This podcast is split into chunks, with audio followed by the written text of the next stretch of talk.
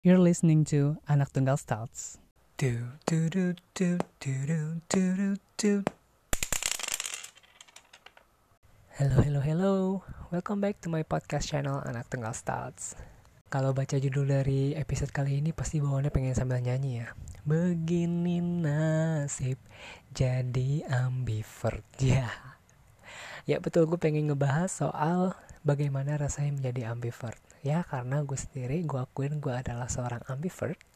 Jadi gue pengen nge-bring up tentang materi ini di podcast gue di episode kali ini. Mungkin kita udah tahu ya personality traitsnya manusia ada extrovert dan juga introvert. Extrovert itu mereka adalah orang-orang yang penuh spontanitas. Basically mereka adalah pembicara yang baik sedangkan introvert itu adalah orang-orang yang cenderung terencana dalam melakukan segala hal dan basically mereka adalah pendengar yang baik. Nah, beda lagi dengan ambivert. Ambivert adalah orang-orang yang ada di tengah-tengahnya. Bisa dibilang introvert iya, extrovert juga iya. Tapi bisa juga dibilang introvert enggak, extrovert juga enggak. Intinya, orang-orang ambivert itu adalah orang-orang yang bisa menyeimbangkan antara menjadi seorang introvert maupun jadi extrovert. Itu gue akuin ada dalam diri gue. Kenapa begitu? gue udah sempat uh, berdiskusi sama salah satu teman gue yang dia juga seorang uh, mahasiswa jurusan psikologi personality traits manusia itu dibangun oleh lingkungan lingkungan tuh sangat berpengaruh terhadap karakteristik kita dan personality kita kayak bagaimana orang tua lu mendidik lu dari kecil bagaimana keluarga lu mengasuh lu dari kecil gitu bagaimana lu bergaul dan beradaptasi sama teman-teman lu dari kecil bah sampai lu uh, beranjak dewasa sampai sekarang seperti itu. Kalau gue sendiri mengaku gue sebagai seorang ambivert mungkin terpengaruh banyak dari pola asuh kedua orang tua gue di mana ya karena gue adalah anak tunggal gue nggak punya nggak punya kakak nggak punya adik jadi gue sering menghabiskan waktu gue sendirian di rumah sehingga gue uh, nyaman aja gitu ketika gue harus sendirian. Gue nyaman ketika gue harus tidak berinteraksi sama orang lain gitu. Dan gue juga nyaman ketika gue asik sendirian sama diri gue tapi di sisi lain gue pun juga nyaman ketika gue berinteraksi sama orang lain berbicara dengan orang lain maupun di depan umum gitu. Hal itu yang membuat gue merasa kayaknya gue beneran ambivert deh. Dan itu sesuai banget sama diri gue gitu. Walaupun gak semua ambivert itu benar-benar 50% 50% ya. Bukan bukan berarti seorang ambivert itu akan selalu di tengah-tengah gitu. Enggak pasti ada kecenderungan di mana mereka itu lebih dominan ke introvert daripada ke extrovertnya ataupun sebaliknya. Bisa jadi 5545 6040 like that. Kalau gue sih udah beberapa kali ngikutin tes MBTI dan banyak sering kali gue dapat hasil gue tuh I depannya introvert pasti banyak yang bingung ya banyak yang kaget. Karena gue ini mungkin kadang uh, kelihatan seolah-olah gue adalah seorang extrovert. Kadang gue tuh kelihatan seorang yang supel dan suka berinteraksi sama orang padahal nggak juga. Gue pun sering canggung gitu kadang kalau misalnya untuk berbicara di luar sama orang gitu. Karena ya itu dia tadi mungkin karena gue sering sendirian sering menghabiskan waktu sendiri. Tapi gue juga masih suka uh, ngobrol dan juga menjadi pusat perhatian ketika gue di antara orang-orang. Jadi itu yang membangun karakter gue sebagai seorang ambivert. Ada beberapa fakta-fakta tentang orang-orang ambivert dan ini sangat-sangat relate terhadap diri gue. Yang pertama adalah fleksibel. Ya betul, seorang ambivert itu cenderung bisa menempatkan diri di mana pun mereka berada. Mereka bisa gabung di sebuah lingkaran yang isinya banyak orang, bisa menjadi pusat perhatian, bisa menjadi seorang public speaker yang baik, tapi di sisi lain mereka pun juga sering kali lebih suka menyendiri. Mereka lebih suka uh, mendengarkan orang ketika orang lain sedang berbicara tanpa motong pembicaraan orang tersebut.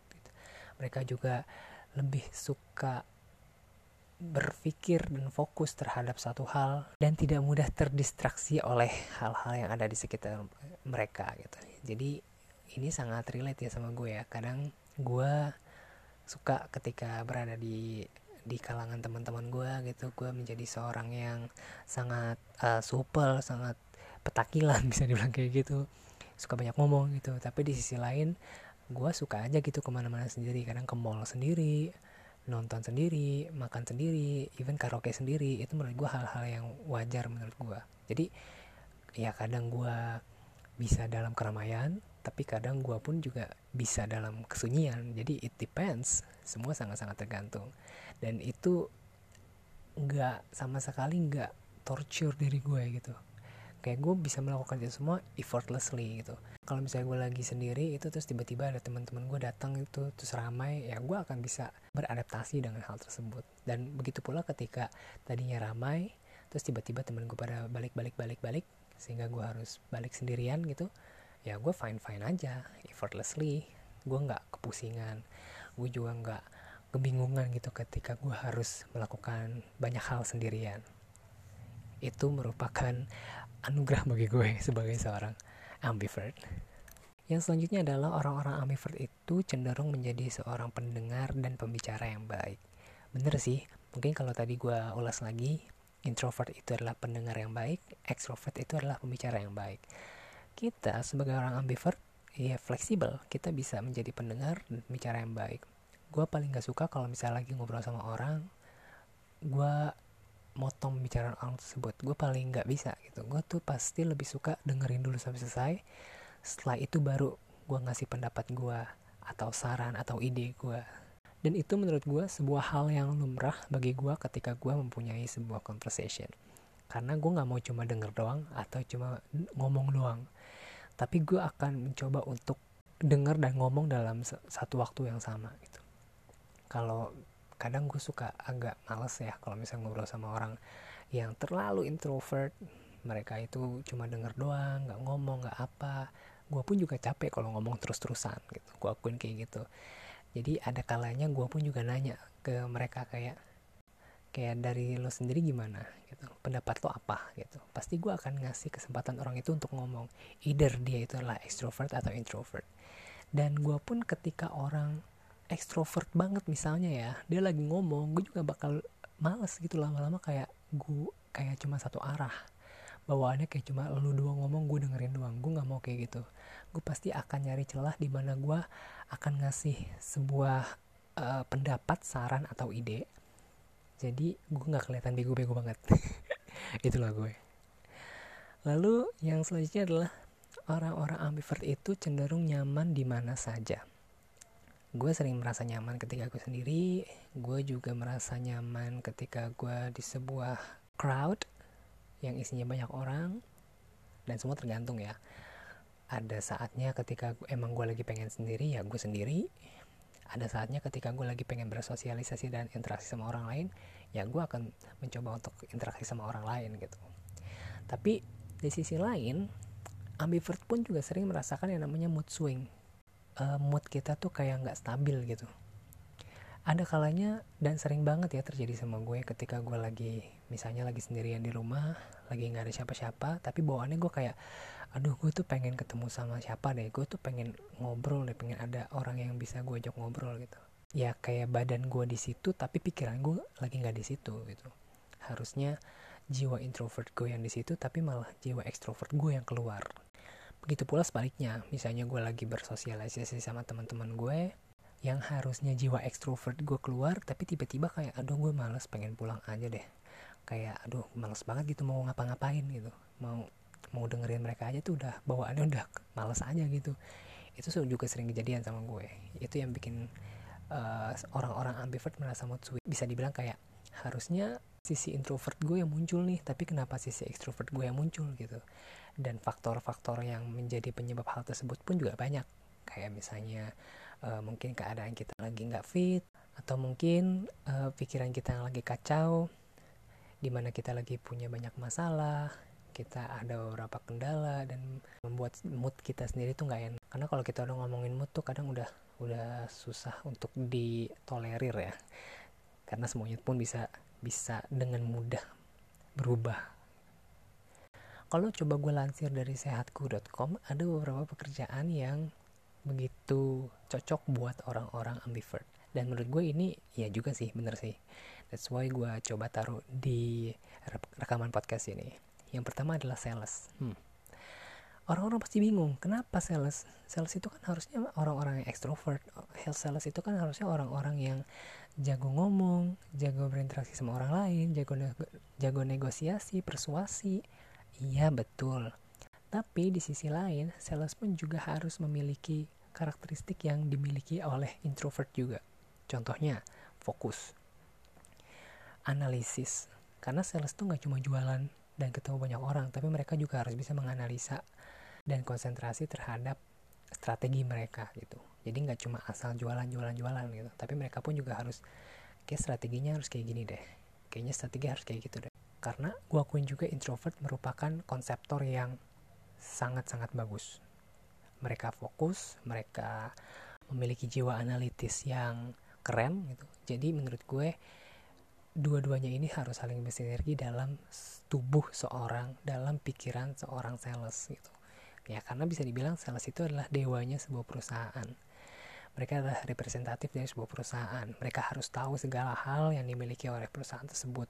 Mulai dari produknya jasanya cara pembayarannya uh, manajemen segala-gala macamnya gitu strateginya dan lain-lain. Itu semua harus dimiliki. Jadi menurut gue uh, untuk sales itu harus memiliki uh, sifat yang serba bisa yang versatil gitu. Sesuai banget sama orang ambivert yang serba bisa dan fleksibel. Yang selanjutnya adalah media. Bener sih menurut gue selain media itu merupakan public relation orang-orang yang menjalin hubungan dan juga relasi terhadap masa gitu ya terhadap publik. Tapi mereka pun juga harus memiliki wawasan yang luas. Mereka pun juga harus uh, fokus terhadap campaign atau isu yang mereka sedang bangun gitu. Kalau mereka cuma asal jiplak sana sini ya kayak ekstrovert kan bisa dibilang gitu ya. Ekstrovert itu kan orang-orangnya lebih lebih sering kayak spontan gitu. Tapi media pun juga mereka harus punya perencanaan yang baik biar campaign yang mereka lagi mencoba untuk bangun itu benar-benar tersampaikan dengan baik ke semua orang. Mulai dari praproduksi produksi sampai pasca produksi. Jadi gue akuin bener juga sih media ini sangat cocok buat orang-orang ambivert yang selanjutnya adalah desain interior. Nah loh, apa hubungannya? Relate menurut gue, relate banget. Karena nih ya, kalau kita ngebandingin antara uh, graphic design sama interior design, kalau graphic design itu mereka lebih banyak um, ngedesain visual aja gitu. Setelah udah jadi secara visual ya udah selesai ya paling ya kalau misalnya mereka harus kontak-kontakan sama klien dan segala macem menurut gue it's fine ya tapi seorang desain interior itu mereka juga harus ya selain mereka juga harus kontak-kontak sama klien mereka juga harus ngerti material yang akan mereka gunakan untuk ruangan yang sedang mereka desain. Kayak gitu. Dan ya pasti itu butuh yang namanya relasi gitu. Selain mereka harus fokus berjam-jam di depan komputer untuk uh, mendesain dan mencari imajinasi dan mengkonsepkan sesuatu hal. Tapi mereka pun juga harus membangun relasi terhadap orang-orang lain vendor-vendor lain biar mereka tuh tahu kayak material yang harus digunakan tuh grade-nya tuh harus kayak gini. Misalnya uh, harus menggunakan kayu yang grade-nya seperti ini harus menggunakan cat yang mereknya ini warnanya ini dan ya sudah pasti mereka harus konsultas menjadi tempat konsultasi bagi klien mereka dan harus menjelaskannya sedetail mungkin. Soalnya menurut gue ini sangat relate orang-orang desain interior adalah orang-orang ambivert. Setuju. Dan yang terakhir adalah guru. Bener sih, kalau guru itu kan pasti mereka selain mereka harus bisa memiliki public speaking yang baik di depan murid-muridnya, mereka pun juga harus menjadi orang tua yang baik bagi murid-muridnya. Ya karena namanya guru itu adalah orang tuanya murid-murid di sekolah ya. Dan selain mereka mesti menyampaikan materi yang mereka sampaikan kepada murid-murid mereka, mereka pun juga harus bisa menjadi tempat curhat bagi murid-murid mereka. Jadi di satu sisi mereka harus bicara yang baik kepada murid-murid, di, saat, di sisi lain mereka pun juga mesti menjadi pendengar yang baik dari murid-murid mereka. That's why guru itu merupakan um, profesi yang sangat cocok buat ambivert. Oke, okay, I think that's all from me. Gue harap buat kalian semua yang merasa diri kalian ambivert, pasti kalian sangat relate sama hal-hal yang sudah gue sampaikan di episode kali ini.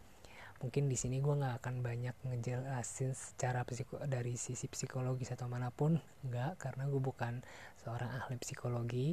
Dan kalau kalau misalnya kalian ternyata adalah ahli psikologi, ya ya beginilah perspektif gue dari seorang seorang awam kayak gitu tapi intinya Eh, perspektif yang gue bawakan di sini adalah perspektif dari seorang ambivert yang merasakan diri gue adalah seorang ambivert yang bisa balance antara extrovert maupun introvert. I think that's all for uh, this episode. Thank you so much for listening. See you on the next episode. Bye. Thank you for listening to Anak Tunggal Stouts. Do do do do do do do do.